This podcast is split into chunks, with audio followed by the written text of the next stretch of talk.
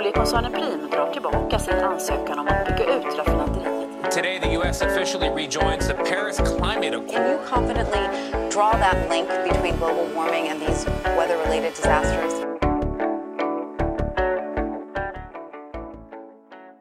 Välkommen till ett nytt avsnitt eh, av Planet och politik. Hörni, det är ju så att alla pratar om mer och mer och mer el. Eh, olika aktörer avlöser varandra med, eh, jag vet inte om man ska säga skräckscenarier, men olika scenarier där vi ska öka elproduktionen så otroligt, otroligt mycket. Och ganska så få pratar om att vi faktiskt också kan vara mer effektiva i vår elkonsumtion eh, och elproduktion. Så nu ska vi prata energieffektivisering eh, som fler borde prata om oftare. Och det gör vi med Lotta Bångens som är VD på Energieffektiviseringsföretagen. Vi kör igång.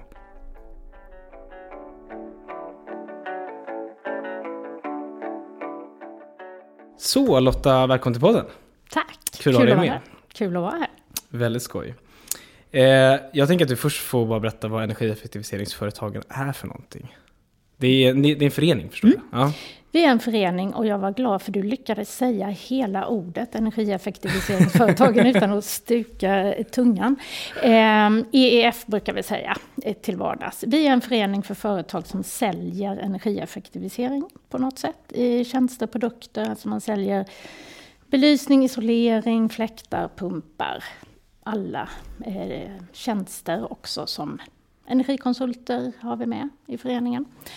Eh, nu börjar vi utvidga föreningen så vi också tar in eh, beställarsidan, kunderna. Alltså är man fastighetsägare mm. eller en bostadsrättsförening eller en förening som jobbar med energifrågor kan man också vara med hos oss. Mm. Men där har vi inte riktigt kommit till skott. Men vi har öppnat upp för det nu. Mm.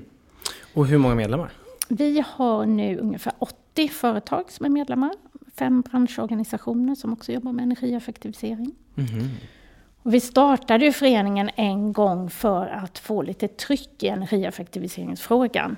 Eh, jag satt hemma och jobbade och sparkade på skrivbordet och eh, tyckte att det hände för lite. Eh, och såg ju potentialen. Men, och kände då att vi måste ha med näringslivet. Vi har en massa duktiga svenska företag som kan energieffektivisering. Vi måste trycka på mer, så därför startade vi föreningen för ja, drygt tio år sedan. Mm. Och det händer ju fortfarande för lite. Det händer fortfarande alldeles för lite. Eller hur? Håller med dig. Yes, så det är, är den här, liksom, det, är så, det är sånt fokus på att bygga ut och liksom, men det är liksom aldrig det här, alltså här, man måste liksom tänka smart och det där finns ja. inte med i, i, debatten tycker jag. Och, och liksom... Nej, det är svårt vad det är, för det är så enkelt men ändå så svårt på ja. något vis. Och jag, vet, jag läste en artikel i DN här för några veckor sedan där det stod om hur, alltså när vi ska lösa problem vi människor, så ofta så går vi på den lösningen som lägger till någonting istället för att ta bort någonting. Och då tänkte jag, ja, kan det ha något med energieffektivisering att göra? Då tog de som exempel en sån här sparkcykel för barn. Mm. Och när barn inte kunde cykla, då sätter man på två stödhjul. Mm. Istället för att ta bort dem och ta bort tramporna så barnet själv då kan stödja sig på fötterna. Så att mm. Ja, det visar ju på att ja, vår första lösning är att lägga till två stö stödhjul istället ja. för att underlätta för barnet att faktiskt börja gå, cykla och sen lära sig att cykla. Det var en utmärkt liknelse. liknelse du tycker det? Ja, jag Bra. håller helt... Ja, mm, yes. Nej, men jag som är inne i debatten hela tiden och den politiska liksom, diskursen. Jag märker liksom att det är hela tiden det här, vad ska vi lägga till härnäst? Och då är det snack om förnybart, liksom, och det är jag för, liksom, allt det där. Men det är ingen som frågar sig, men vänta nu, kan vi göra lite mindre av det här också mm. samtidigt? Vi kan göra kanske båda samtidigt. Liksom. Och det där är ju... Men vi har fastnat där. Och jag menar, så sent som idag faktiskt så kom ju, kom ju energieffektiv, eh, inte energieffektiviseringsföretagen, energiföretagen kom ju med, någon, med nya prognoser som sa att ja, men vi, vi snackar inte ens en fördubbling av, av el, eh, elproduktionen utan vi snackar om eh, 120 procent ökning. Alltså, och nu har det blivit en sån här tävling i vem kan presentera de absolut mest eh, gigantiska planerna för elproduktion i Sverige. Och då känner jag bara, men vänta nu, har ni ställt frågan, vad kan vi också minska? Det har man nog inte, för det, ja, men det ligger någonting i det där mänskliga psyket tror jag. Ja. Att det är lättare att ta till sig, lättare att se det här. Det är, eh, det tilltalar oss mer att lägga till än ta bort helt Mm. enkelt. Så det är så. vi- Sen kan man ju tycka att energieffektivisering är ju att lägga till energieffektiviseringsprodukter och Såklart. tjänster förstås. Men eh, i slut energisystemet så är det ju att plocka bort både effekt och energi. Och det är egentligen inom alla sektorer. Jag menar, jag som håller på med flygfrågan, Mm. alltså, det, och även liksom transporterna och det där. Men liksom att då tänker man hela tiden att nej, men det, det normala utgångsläget är alltid en ny väg. Eller en ny rullbana, en ny flygplats. Yes, Och så ska man bara ändra på tekniken för, alltså, och, det, och det är inte, det är inte hållbart någonstans. Nej, det är inte hållbart om man tittar eh, på sikt. Det är klart, det finns hur mycket solenergi och vinden kommer alltid att blåsa. Men vi måste ju ha vissa system och jordartsmetaller med mer för att kunna använda den energin. Så jag tror också i ett globalt perspektiv så är ju inte energin oändlig. Nej. Vi kommer inte bara kunna bygga ut, bygga ut. Och då eh, gäller det att vara så resurseffektiv eh, som man bara kan. Och det är också, jag tror det här är ju framtiden och blir vi duktiga på det här i Sverige så är det ju något vi kan hjälpa andra med förstås. Mm. Och apropå att vinden all, alltid blås, eller kommer blåsa. Jag menar, där har vi redan en jättestor debatt i Sverige om lokala konflikter mellan utbyggnad och de lokala intressena, rennäring och sådär. Så att jag menar, det kommer ju alltid med en prislapp och, och då är det alltid, då är det smartast att tänka, ska, kan vi slippa betala den prislappen istället? Ehm, Ja, tänka men det är väl bra att vi alltid har gjort så mycket vi kan på användarsidan först innan vi bygger ut. För allting har ju en miljöpåverkan, så är det ju. Här, vi kom in på den här övergripande diskussionen direkt, men vi ska gå vidare med det förstås. Men jag tänker vi kan först bara prata lite definitioner. Ehm, vi kommer ju prata ganska mycket om energieffektivisering här. Eh, det finns också det som kallas för effekteffektivisering, eller ja, eleffekteffektivisering och, och sådär. Vad, vad kan man säga om de här, om de här olika eh, definitionerna? Definition, ja, be- ja. begreppen. Eh, hittills har vi ju eh, egentligen bara pratat energieffektivisering. Alltså att få ner användningen av energi, hur mycket vi använder på ett år, till exempel hur många kilowattimmar man använder hemma. Eh, men sen är det en helt annan sak egentligen, det här med effekt. Alltså hur mycket använder vi vid ett, precis i ett tillfälle. För det kan ju vara så att jag använder lite energi sett på hela året, men jag behöver mycket just en minut eller sekund och då har jag ett högt effektbehov. Och det är det här man börjar se nu i Sverige på vissa ställen, att det blir, det blir trångt i näten när alla vill ha el samtidigt. Och man får en kapacitetsbrist helt enkelt. Vi har jättemycket el, men inte just exakt vid det tillfället när alla vill använda samtidigt. Och det är lite skillnaden på effekt. Effektivisera, då vill vi ha ner de här effekttopparna, kanske eh, använda energin vid en annan tidpunkt eller eleffektivisera helt enkelt. Eller att då generell energieffektivisering, det är lite två olika saker. Mm, mm. Just det, att eh, den här effektsituationen, det är liksom enstaka timmar eller liksom dagar när, när det är som störst behov. Och då om man skulle Precis. prata om effekt, effektivisering så skulle man fokusera just där. Då ska man fokusera Att flytta där. den konsumtionen senare eller, eller däm- dämpa behovet på, på Eller sätt. dämpa behovet generellt. Och det har vi ju alltid nytta av så att säga. Men Medan energieffektivisering är liksom hela kakan. Hur kan Ja. den eh, justeras? kan minska? Eh, Och, och när vi pratar om energieffektivisering så finns det ju ett eh, energieffektiviseringsmål i Sverige. Yes, Och det är relaterat till BNP. Har du lust att förklara hur det funkar? Ja, det är... Det rör, det rör ju lite den diskussionen vi precis var inne på, det här med mer och mer och mer. Yes. Berätta. Nej, men det gör det för att eh, man har helt enkelt inte sagt att vi ska minska vår energianvändning, utan vi ska använda mindre per BNP. Så det gör att, eh, och dessutom, eh, den energi man har stoppar in i den här definitionen är inte använd energi, utan det vi tillför i landet. Och nu är det här lite krångligt, men det är två olika saker också faktiskt. Och det gör att eh, det blir svårt att fokusera på det här målet eftersom eh, om BNP förändras så förändras våra förutsättningar att nå målet. Och förändring av BNP, det är inte säkert att det har med energianvändningen att göra alls. I en del sektorer har det det, men inte överallt. Så det blir svårt att fokusera, målstyra på ett mål som, där både täljaren och nämnaren flyter omkring kan man säga. Så jag skulle ju hellre se ett annat mål som blir lättare att sikta in sig på. Mm. Precis, så att det som blir lite konstigt med sånt mål det är väl då att om tillväxten går jättebra, mm. då är det mm. mycket enklare, enklare att nå målet också. Ja, då blir det enklare. Medan om det inte blir någon tillväxt, då kommer det gå mycket, bli mycket svårare nå målet också. Ja, precis. Så det är liksom lite konstiga incitament där också. Ja, men det är det. Och framförallt blir det ju jättesvårt. Vad betyder det här målet för mig som kommun eller företag? Man mm. kan inte relatera till det. Förut hade vi ett, ett mål som var för byggnader till exempel i kilowattimmar per kvadratmeter till vissa årtal. Och det var ju många kommuner och regioner, de tog ju till sig det och gjorde det till sina egna mål. För mm. man förstod målet. Nu tror jag inte det är så många kommuner som sitter och har minus 50 procent per BNP i sin kommun, för det är väldigt svårt helt enkelt. Så vi har tappat det med det här målet, tycker jag. Vi ska återkomma till styrmedel, men jag tänker ändå om du fick välja fritt då, hur hade du velat ha ett mål utformat? Alltså jag skulle vilja ha, jag förstår, vi har ju ett mål inom EU kan vi säga, vi skulle kunna följa det. Dels blir det lättare i jämförelse med andra länder. Och där går man ju med på absolut minskning. Man, har, man får göra viss justering till utveckling i medlemsländerna. Men det är ändå mer absolut mm. mål än vad det svenska målet är. Det är inte, man får inte helt bara justera till BNP utan mm. i mycket, mycket mindre grad. Och det tycker jag att vi skulle kunna använda. Så. Det blir väl lite svårt, nu har, har inte du nämnt några siffror här, men jag tänker att det kanske blir lite svårt ändå att tänka sig att man ska ha ett skarpt mål som innebär minskad elanvändning på totalen. Om man tänker sig en situation där vi ändå ska ha eh, utbyggnad av de här stora industrierna som kommer nu som också är gröna. Mm. Då kanske det blir lite tufft. Eh, så man kanske måste göra någon avvägning kring det där.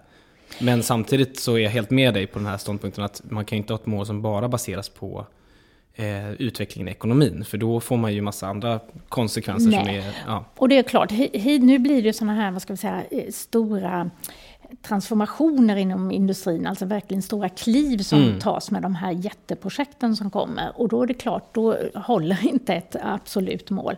Men däremot har det ju till dags dato i princip hade vi kunnat ha ett absolut mål. Ja. Industrin har ju utvecklats fantastiskt och knappt ökat eller ligger på samma elanvändning eh, under jättemånga år och ändå det här ökat förädlingsvärde, ökad produktion inom industrin. Så, men de här språng, tekniksprången som kommer att tas nu med en kraftigt ökad elanvändning, det blir ju svårt. Det mm. måste man ju tänka till när man sätter målen förstås. Mm. Vi kanske ska ta det också, nu när du nämnde det, det här med att det har legat still nu. Det är 30 år, eller hur? Ja, det är något sånt, ja. Jag, jag, tittade på, jag vet inte om du såg det, jag skrev Facebook-inlägg om det, men jag, jag, tittade på vad ansvariga myndigheter eh, tog fram för prognoser eh, 1969.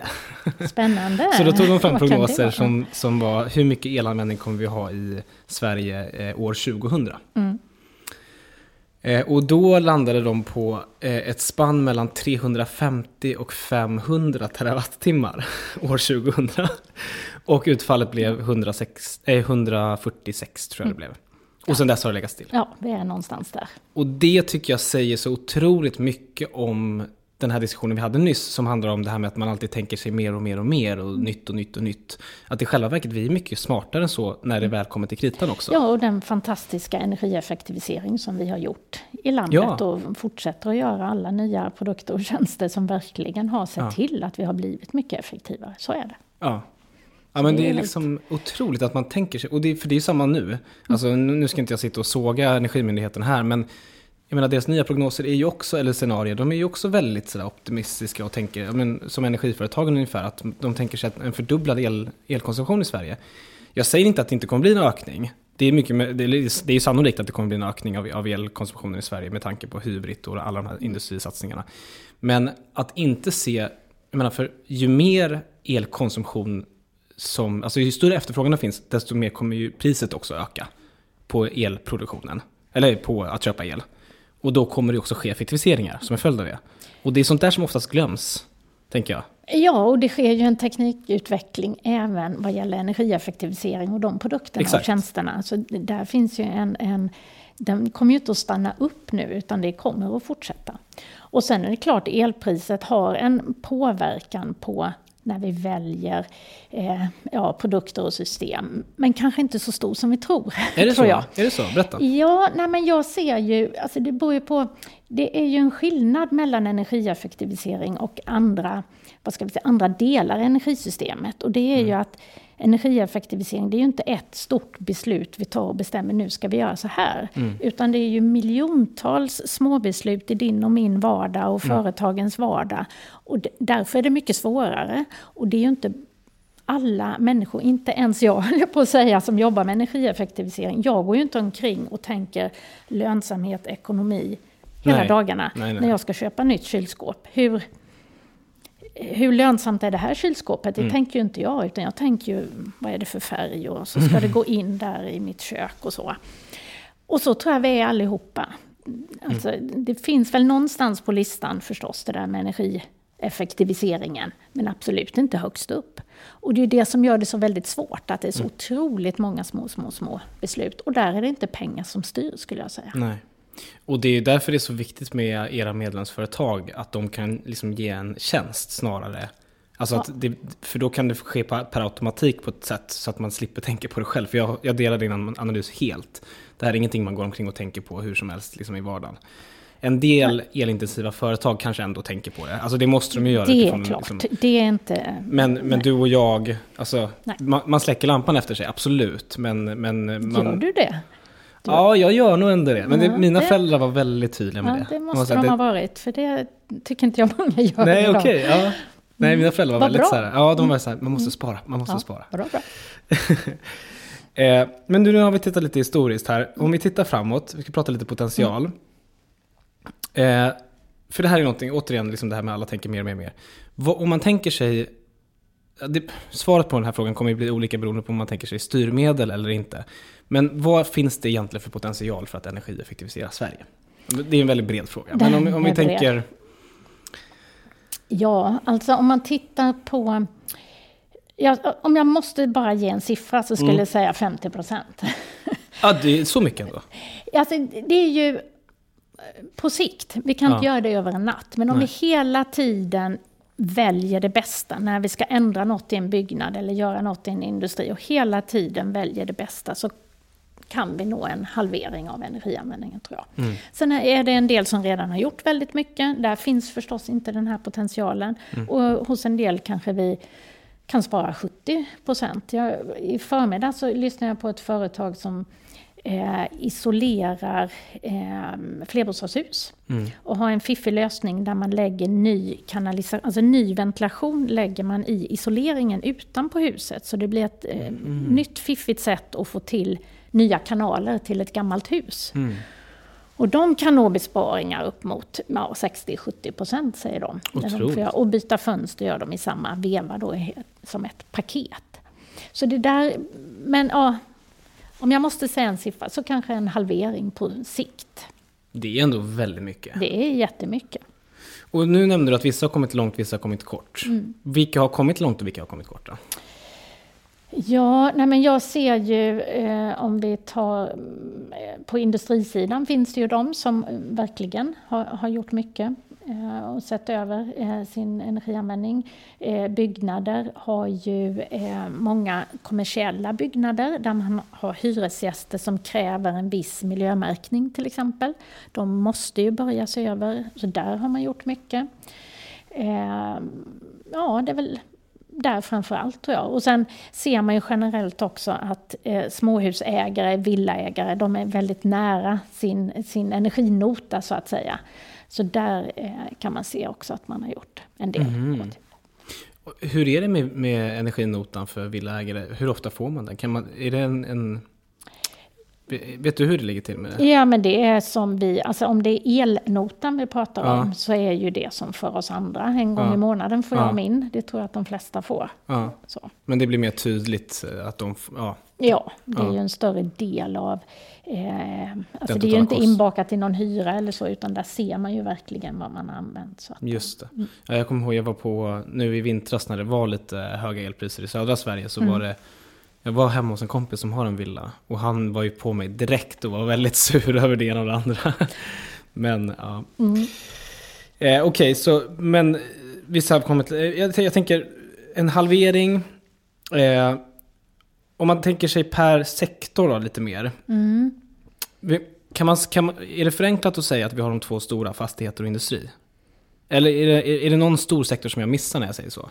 Nej, sen är det klart att man kan energieffektivisera inom transporter. Just det, men det är en lite annan... Förstås. Ja.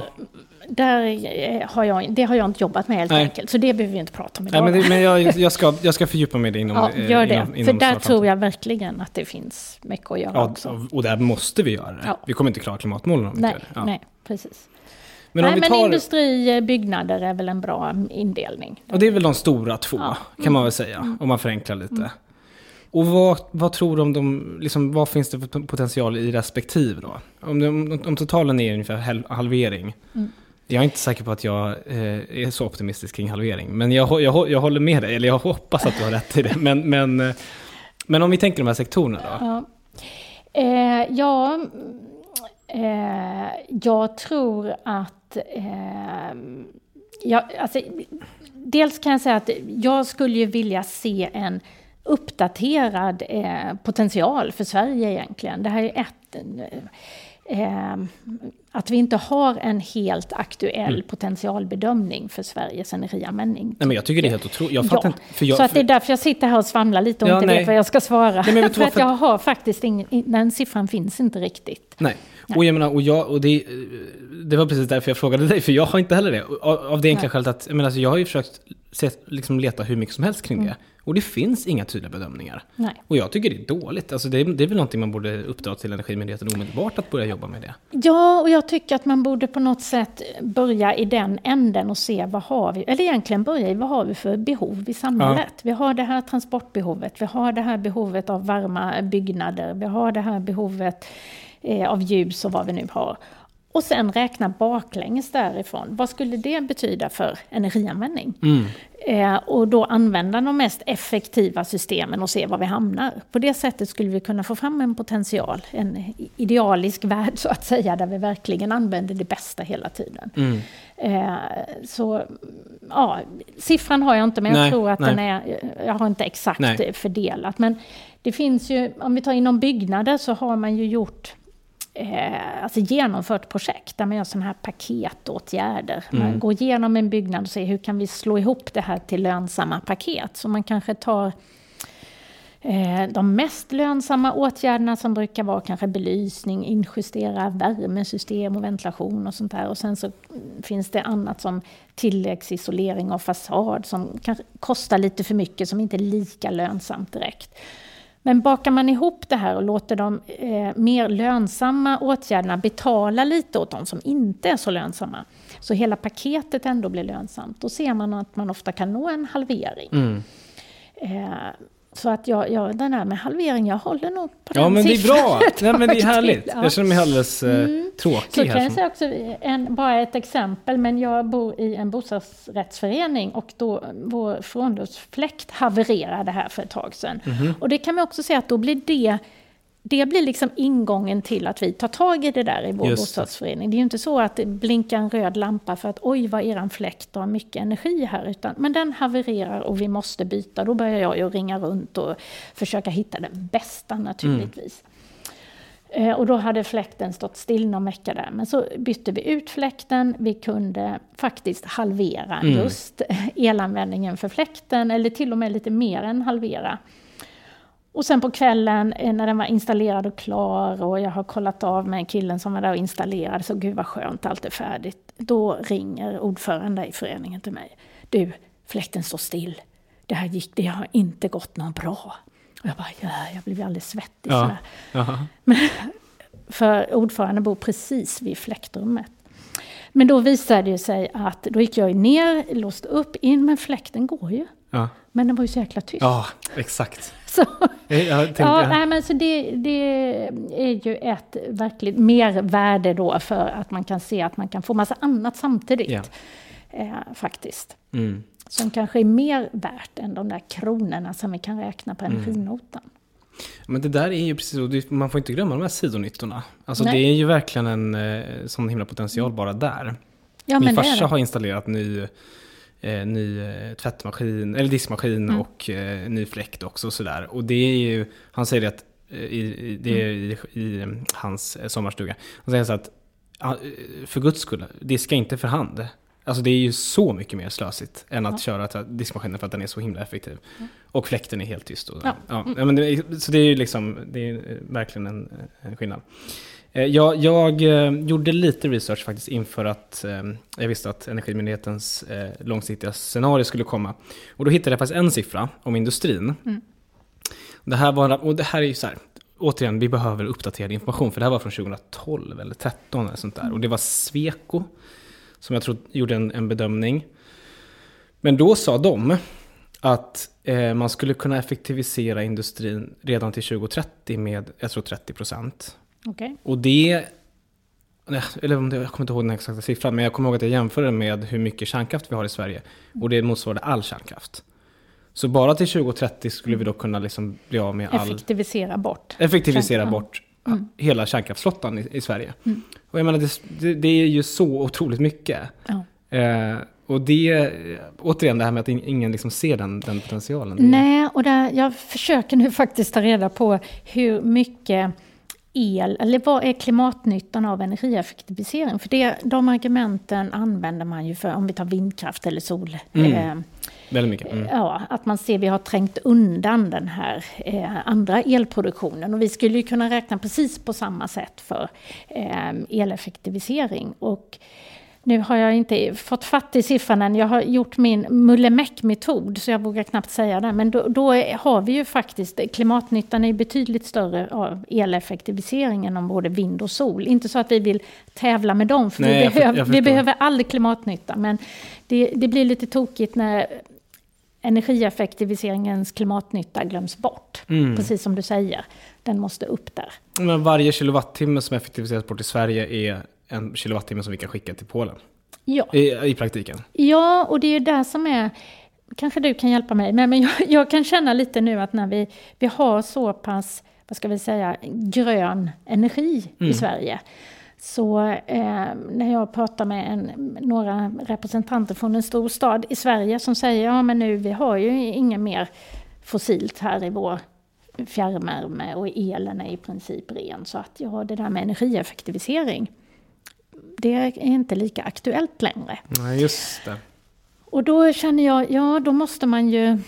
Eller hur gör vi då? Ja, just Vad ska vi använda för argument? För det är klart att det har en effekt. Det finns alltid en alternativ marknad så att säga. Den biobränslen som man använder som man egentligen kunde effektivisera bort. Den kan vi använda någon annanstans. Men det tänker man inte utan då hamnar man i... Exakt. Den hade kunnat göra nytta i tra- transporterna, eller den kan ha nytta genom att Ja. stå som byggnader eller Ja. stå kvar som träd naturligtvis. Verkligen. Eh, Så- det är nästan så att, som att man har låtit det näst bästa bli det bästas fiende. Ja men Alltså, det, oftast brukar det ju vara det bästa blir det näst bästas Ja. fiende. Men det är liksom som att, Ja men och så är ju energieffektivisering lönsamt dessutom. Du Ja. förstår hur jobbigt vi har det. ja exakt, exakt. Två saker som går emot oss. Men får jag fråga apropå det då, och kopplat till potential. För det är ju ofta någonting man hör det här med att det är lönsamt men det görs ändå inte. Mm. Vad tror du att det beror på? Beror det mycket på det här som vi var inne på tidigare? Att man går inte omkring och tänker på det på samma sätt? Ja. Eller, ja, det är så. Ja, det är så det, enkelt. Det tror jag är en grej. Och eh, sen är det också, alltså, vad ska vi säga, statusen eller eh, energieffektivisering är inte en viktig fråga. Alltså, Mm. Samhället skickar inte de signalerna. Jag kommer aldrig glömma, jag var på ett möte som handlade om finansiering av energieffektivisering med ett gäng bankgubbar var det. Eh, och så, jag kommer inte ihåg vad det var för lagstiftning, men det var någon ny lagstiftning som inte hade med energi att göra, alls, utan i bankvärlden så att säga, som skulle införas nästa vecka vad det var.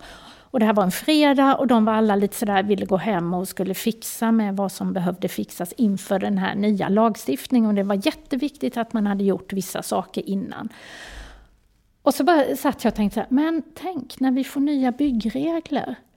Sitter vi i Sverige så här, åh nu måste vi hem och kolla att vi verkligen har gjort allt för de här nya byggreglerna kom. Nej, så gör vi inte. Alltså det är en helt annan eh, inställning hur allvarligt vi tar på saker inom ekonomisystemet och inom byggnader och energi till exempel. Eller hur vi ser på de regler och lagar som det faktiskt är.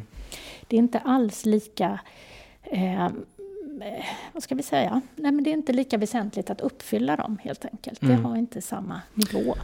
Gud, det där är så spännande vad det kan bero på. Att det är som att, jag får ofta känslan av att vi har blivit förslappade i Sverige för att vi alltid har försetts med så god... Alltså vi har ju haft så mycket energi i Sverige, alla dessa år. Ja men det är säkert en anledning. Och nu mer än någonsin. Alltså, jag- det, det är ju liksom att vi har hamnat i liksom ett läge där vi tänker att nej, men vi, kom, vi bara räknar blint med att vi alltid kommer ha lågt elpris och liksom mycket, liksom det bara... Ja, och vi Elen har, bara finns där. Ja, och vi har hyfsat ren Ja, energi exakt. då tycker man dessutom. Så att då är det svårt. Exakt. Med. Eh, du, nu har det varit så himla... du kan väl fixa lite sådana signaler till marknaden? Ja, det jag. hoppas jag. här Ja, men vi är kommer en in på viktig det. fråga. Ja. Vi kommer in på det alldeles strax tänker jag. Men eh, innan dess, du har ju varit så bra nu på att ge olika exempel på vad energieffektivisering kan vara. Men jag tänker att vi kanske säga någonting mer om det.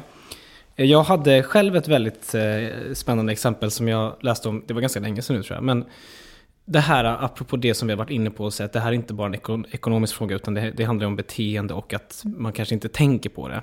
Men i, i Storbritannien så fanns det ett sånt himla spännande exempel, för då var det så att ja, men de har ju katastrofala fastigheter i, i- Storbritannien och de bara läcker energi. Det bara liksom bara, vinden bara blåser rakt igenom.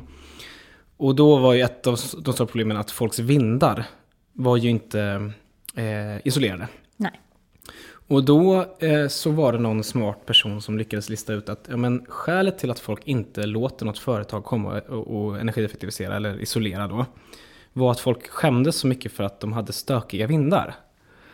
Och, de, och lösningen på det var då alltså en nudging-lösning. Det vill säga att det offentliga tror jag det var, jag vet inte om det var något bidrag eller det var något system som gjorde att man kunde få sin vind städad. Och därefter kunde man då eh, eh, f- liksom anlita något företag som kommer och effe- effektiviserade och isolerade sådär. Och då blev det plötsligt en jäkla show. På, liksom, den marknaden kom igång jättesnabbt på grund av att man bara löste den här detaljen Lilla av att folk detaljen. skämdes för att det Som inte var en detalj. Nej. Utan som var det, nej, men Ja. det där är jättespännande. Det säger du mycket om det mänskliga psyket, att det oftast inte är nödvändigtvis de här ekonomiska incitamenten, utan det kanske är någonting annat som behövs för att man ska... Ja.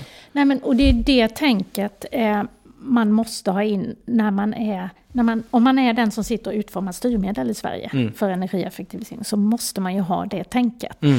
Annars så, och vi har försökt att vara, dra vårt strå till stacken från eh, vår förening då genom att faktiskt, vi har gjort en del intervjuer med bostadsrättsföreningar, industrier och fastighetsägare och inte frågat dem så här, varför energieffektiviserar ni inte? Utan vi har mer frågat, vad gör ni på dagarna och vad är viktigt för er och vad, är, vad vill ni uppnå med er verksamhet? Bla bla bla, massa frågor kring det. Och så sen har vi tagit de svaren och försökt att se, ja men vad passar energieffektivisering in i de här behoven som eh, bostadsrättsföreningar och andra har? Och vi har lärt oss jättemycket på det. Mm. För då, ser, då kan man ju upptäcka precis sånt här som med vindarna, att det är någon annanstans det gnager, eller skaver, heter det. Eh, och inte det som vi tror. Det är inte lönsamheten eh, som är problemet, utan det är andra saker.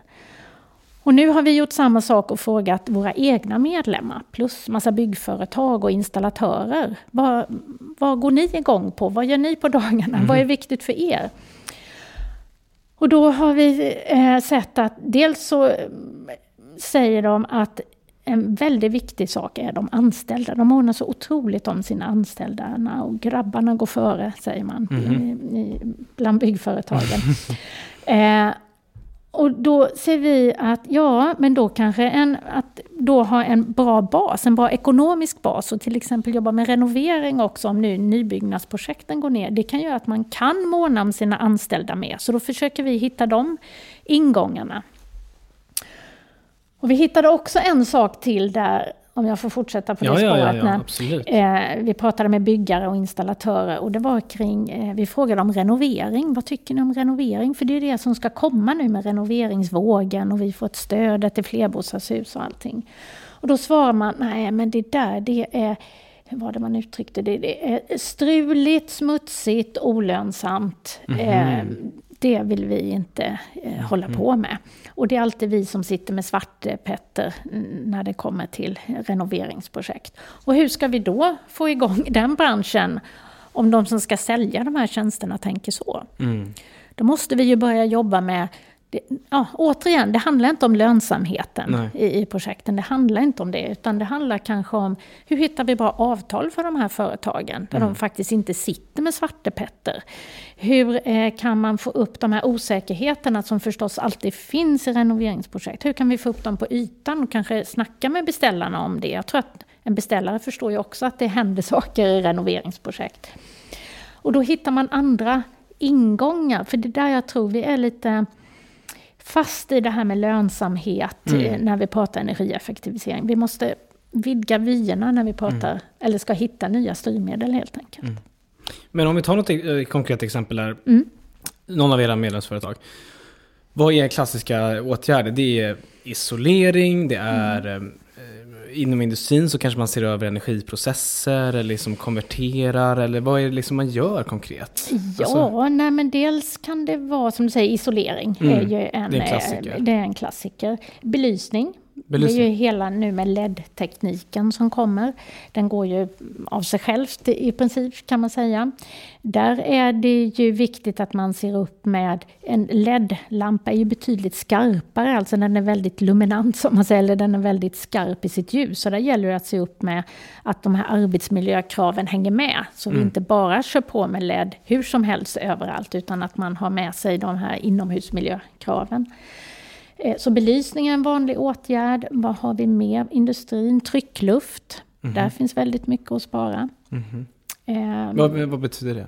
Tryckluft är ju, alltså man har eh, ja, system i industrier för, eh, det kan vara rengöring till exempel, så använder man tryckluft. Och de här systemen, det är ju trycksatt luft i slangar eller eh, rör. Eh, som kan läcka, pysa, som man behöver läcksöka och täta till exempel. Och ibland kan man också byta ut de här verktygen mot elverktyg istället för tryckluft. Och få då en högre verkningsgrad helt enkelt. Åh, vad spännande. Ehm, du, vi ska gå in på styrmedel. Yes. Ja, men jag tänker, för nu har vi, vi har ju pratat ganska mycket nu om liksom det här med, ja men det, även om det är lönsamt så sker det inte. Och liksom, eh, vi kanske också vill ge just på energieffektiviseringsåtgärder som inte är lönsamma. Vi kanske måste det för att liksom nå våra mål, och, eller ja, få, få en större hållbarhet eh, på olika sätt. Eh, och då tänkte jag att vi går igenom lite styrmedel. Eh, nu var det som att jag tänkte fråga om du hade, om du ville liksom radda upp, men ja, vi har gjort ett energieffektiviseringsutspel som jag tänkte, jag kanske, jag kanske drar dem då, så får Mm, du det. be, liksom, eh, betygsätta det. Först och främst, eh, och den stora grejen tror jag, får man ändå säga, det är det som vi kallar för vita certifikat eller kvotplikt.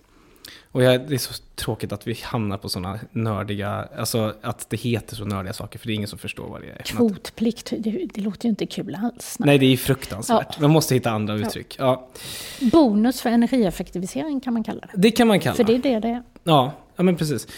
Eh, Och det går ut på att man sätter mål. Eh, och så får man helt enkelt göra så att man... ehm, så att då är det energi, de som levererar energin helt enkelt, eh, energibolagen, som helt enkelt måste uppnå de målen.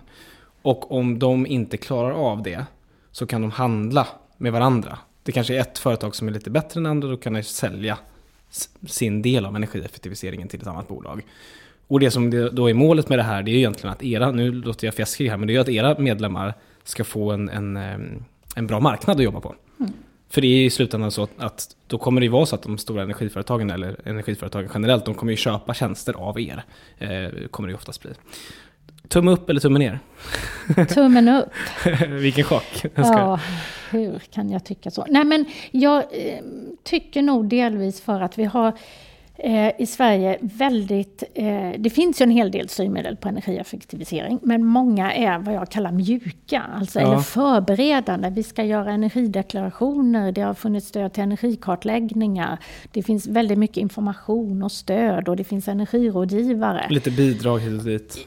Ja, men det finns väldigt lite som verkligen kräver en riktig åtgärd. Mm. Och det är där det stannar hela tiden. Vi, har, vi vet vad vi ska göra, men vi genomför inte.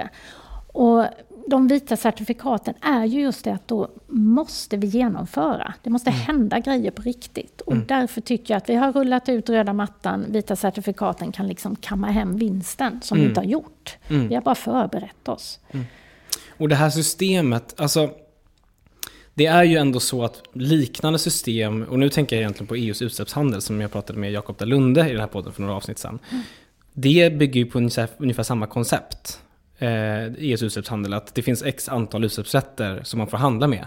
Mm. Eh, och det är ju samma sak här, x antal, vad ska man säga, uts, eh, energieffektiviseringsrätter, eh, eller kvoter ja, som man sen får handla med. Ja, eller, ja. eller du kan också jämföra det med, med mm, elcertifikaten. Eller, ja, det kan man också. Det kanske, då är det ytterligare det är svårt.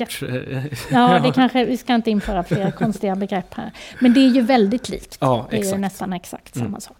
Men det, och, och jag menar, det är ju så här men man skapar en marknad efter ett behov som finns. Eller liksom man, man, man, man, ja, man skapar en marknad helt enkelt som, som leder i rätt riktning. Och det är ju mm. precis vad vi vill. Helt enkelt. Ja. Okej, okay, då är den är tummen upp. Jajamensan. Eh, sen har vi eh, ett förslag som jag, jag, tror du kanske inte är lika intresserad av. Men vi får se. Robin Hood-skatt på, energi, eller på produkter. Mm. Och här var idén att vi, skulle, att vi ville att man skulle liksom helt enkelt gå på de här olika energiklasserna. Om man köper en ny TV till exempel. Då finns det olika energiklasser. Liksom, det finns de som är lite smartare och så finns det de som är lite mer eh, törstiga, eller vad tusan man säger, man, mm. slösaktiga. Mm. Och då vill vi att man ska kunna ha till exempel högre moms på de som är eh, törstigare. Törstigare, jag är så himla inne i, i, i billingot här. Bilvärlden, ja. um, men, och, och, lägre skatt på de som är eh, smarta. Men vad tänker du om det? Jag är lite tveksam till det. Ja, du är det? Ja, ja. Berätta. Eh, nej, men jag tror dels det här att när jag går och köper tv så det kanske inte är, det är nog måtten där och eh, prestandan kanske det. på tvn som jag tänker på. Och det finns ju en klassning, det finns en energimärkning av de här produkterna. Eh, och jag tror, sen kan Robin Hood vara en grej att man där tror jag man verkligen ska läsa på mänskliga psyket, det här mm. att hur man utformar den. Att köper du den här eh, så eh, slipper du betala en avgift. Alltså det handlar om hur du utformar erbjudandet. Exakt. Eh, då tror jag att man kan nå men det känns lite kaka på kaka också mot energimärkningen. Då måste man verkligen få till den här eh, mm. twisten med att man känner att man undgår en kostnad om man väljer en viss produkt. Eh, precis, för inspirationen kommer ju lite från eh, bonus malus som vi har inom transport, mm. alltså inom yes. med bilar. Mm. mm. Och den har ju visat sig vara väldigt effektiv. Mm. Och jag menar just det, det, det, finns ju, liksom, det finns ju en eh, potential här att eh, företag som ligger långt fram kan liksom använda det som en boost i sin marknadsföring. Jag menar nu om du, om du tittar på liksom de som säljer elbilar nu så säger de så här Wow, vi har en elbil. Dessutom 70 000 kronor i bonus. Så att det blir liksom, ja, det kommer ja. inte att kosta så mycket om man ska, eller ja, man får inte så stor bonus då. Men det Nej. blir ändå någonting som är lite extra sådär, men här får du faktiskt en skattereduktion, eller här får du liksom en, ja, för, just för att du gör någonting bra. Ja. Eller liksom, ja. Men jag tror man ska, som sagt, eh, läsa på där ordentligt om hur man utformar mm. erbjudandet, om det ska vara en, eh, en avgift man slipper att betala, eller hur det ska utformas, för att det eh, har betydelse för våra val helt enkelt. Mm. Mm, just det. Och nu har jag glömt det sista. Nej, men vad kan det vara för spännande? Ja, jag vet ett var... förslag ni hade. Ja, Kanske. Eller jag, jag, ett förslag jag skulle vilja att ni ja, hade. Ja, ja, Det är bara så. alltså energi, ett problem, eller en utmaning med energieffektivisering, det är ju att det finns på, hur många departement kan det vara? Tre? Massa fyra? olika. Massa olika. Ja. Och ett gäng olika myndigheter. Och vi på marknaden kan ju ibland bli lite förvirrade. Och saker kan ta väldigt lång tid. Och jag tror man skulle behöva en slags samordning av energieffektivisering på mm. någon regeringskanslinivå. Mm. Mm. Då tror jag vi skulle komma längre och vi skulle komma snabbare fram. Mm. För nu ligger det på energi, infra, bostad. Det är ju väldigt olika. Ja. Boverket har ju mycket liksom och Energimyndigheten Myndigheten, har ju... Naturvårdsverket, mm. Upphandlingsmyndigheten. Alltså det finns ett gäng, länsstyrelserna. Mm. Vet du vad det här förslaget är? Det är ett typiskt så aktörsförslag.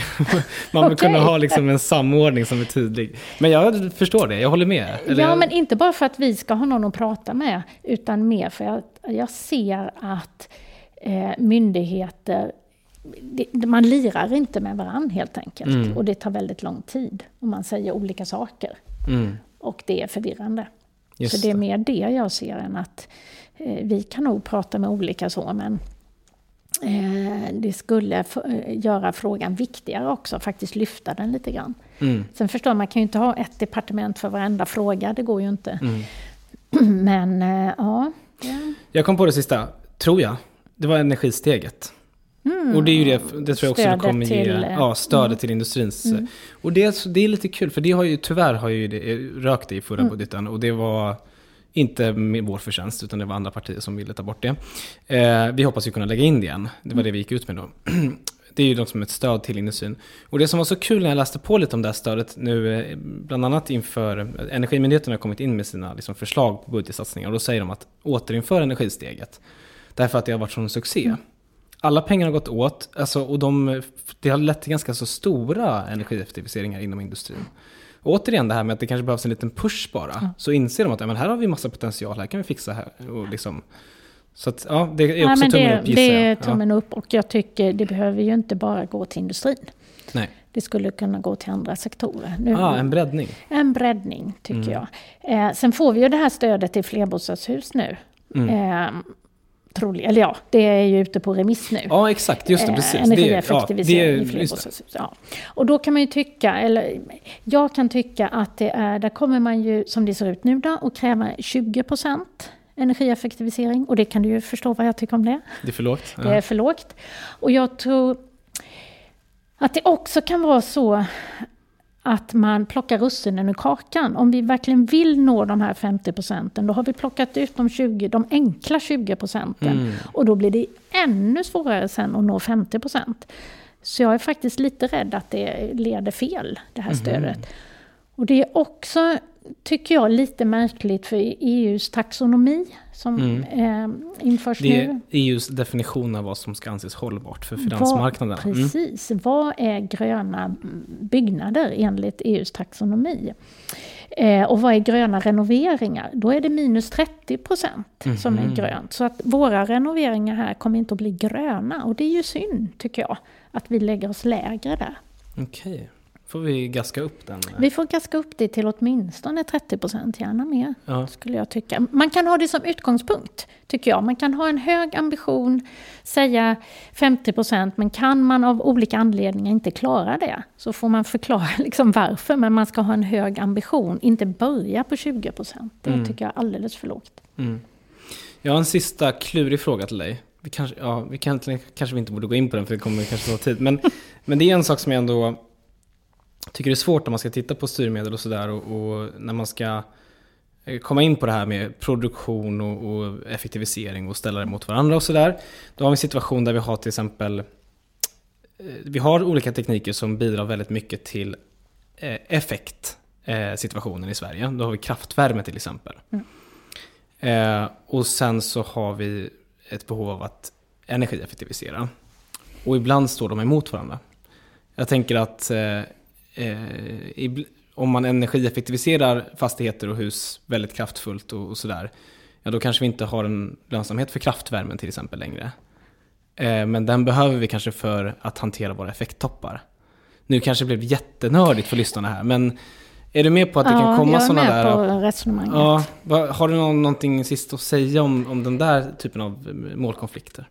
Ja, alltså jag tror ju att eh, vi kan energieffektivisera är, även i kraftvärme, fjärrvärmeområden som har ja. kraftvärme. Och det är ju snarare så att man kan se, ja, kanske kan vi köra tvättmaskinerna på eh, varmvatten istället för kallvatten så att vi värmer dem med fjärrvärme istället för med el. Att man kan hitta sådana möjligheter. Aha, eh, och, andra nyttor? Ja, för jag kan aldrig riktigt se, har vi ett system där det är bra, att slösa är bra så att säga, mm. då är det något fel i systemet, Exakt. tänker jag. Det måste vara det på något vis. Och det som händer idag är ju faktiskt att vi energieffektiviserar, som jag inte, för mig är det inte energieffektivisering, men vi till och med tar bort fjärrvärme från flerbostadshus och stoppar in en värmepump i ett kraftvärmeområde. Så vi får en ökad elanvändning och minskat underlag för att producera kraftvärme. Det är ju verkligen dåligt i mm. energisystemperspektiv. Mm.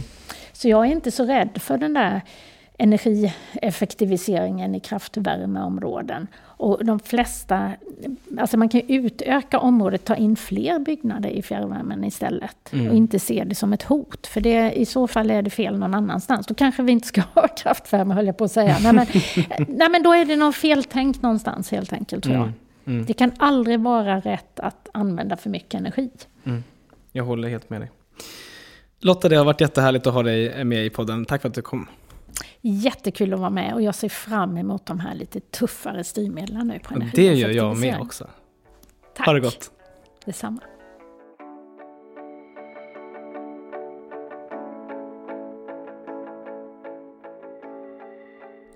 Vad kul att du har lyssnat på Planet och politik den här veckan. Eh, jag är tillbaka i vanlig ordning om en vecka eh, och tills dess så kan ni nå mig om ni vill tipsa om en Eh, gäst eller vad som helst på Instagram eller på Twitter.